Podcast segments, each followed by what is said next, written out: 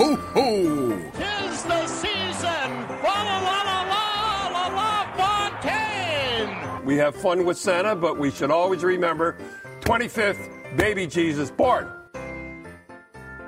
Ho, ho, ho, alle sammen, og velkommen til NHL-prats julekalender. I dag så skal vi åpne den aller første luka i vår kalender, og som er full av anekdoter, historier og annet snacks fra NHL. Og den historien den handler om en finne med en strålende bart, nemlig livsspiller Leo Komarov.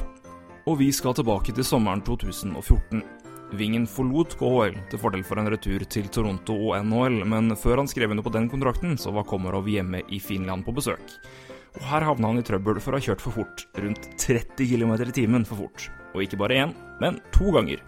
Så her hadde han virkelig problemer med å ja, finne bremsen. Takk skal du ha.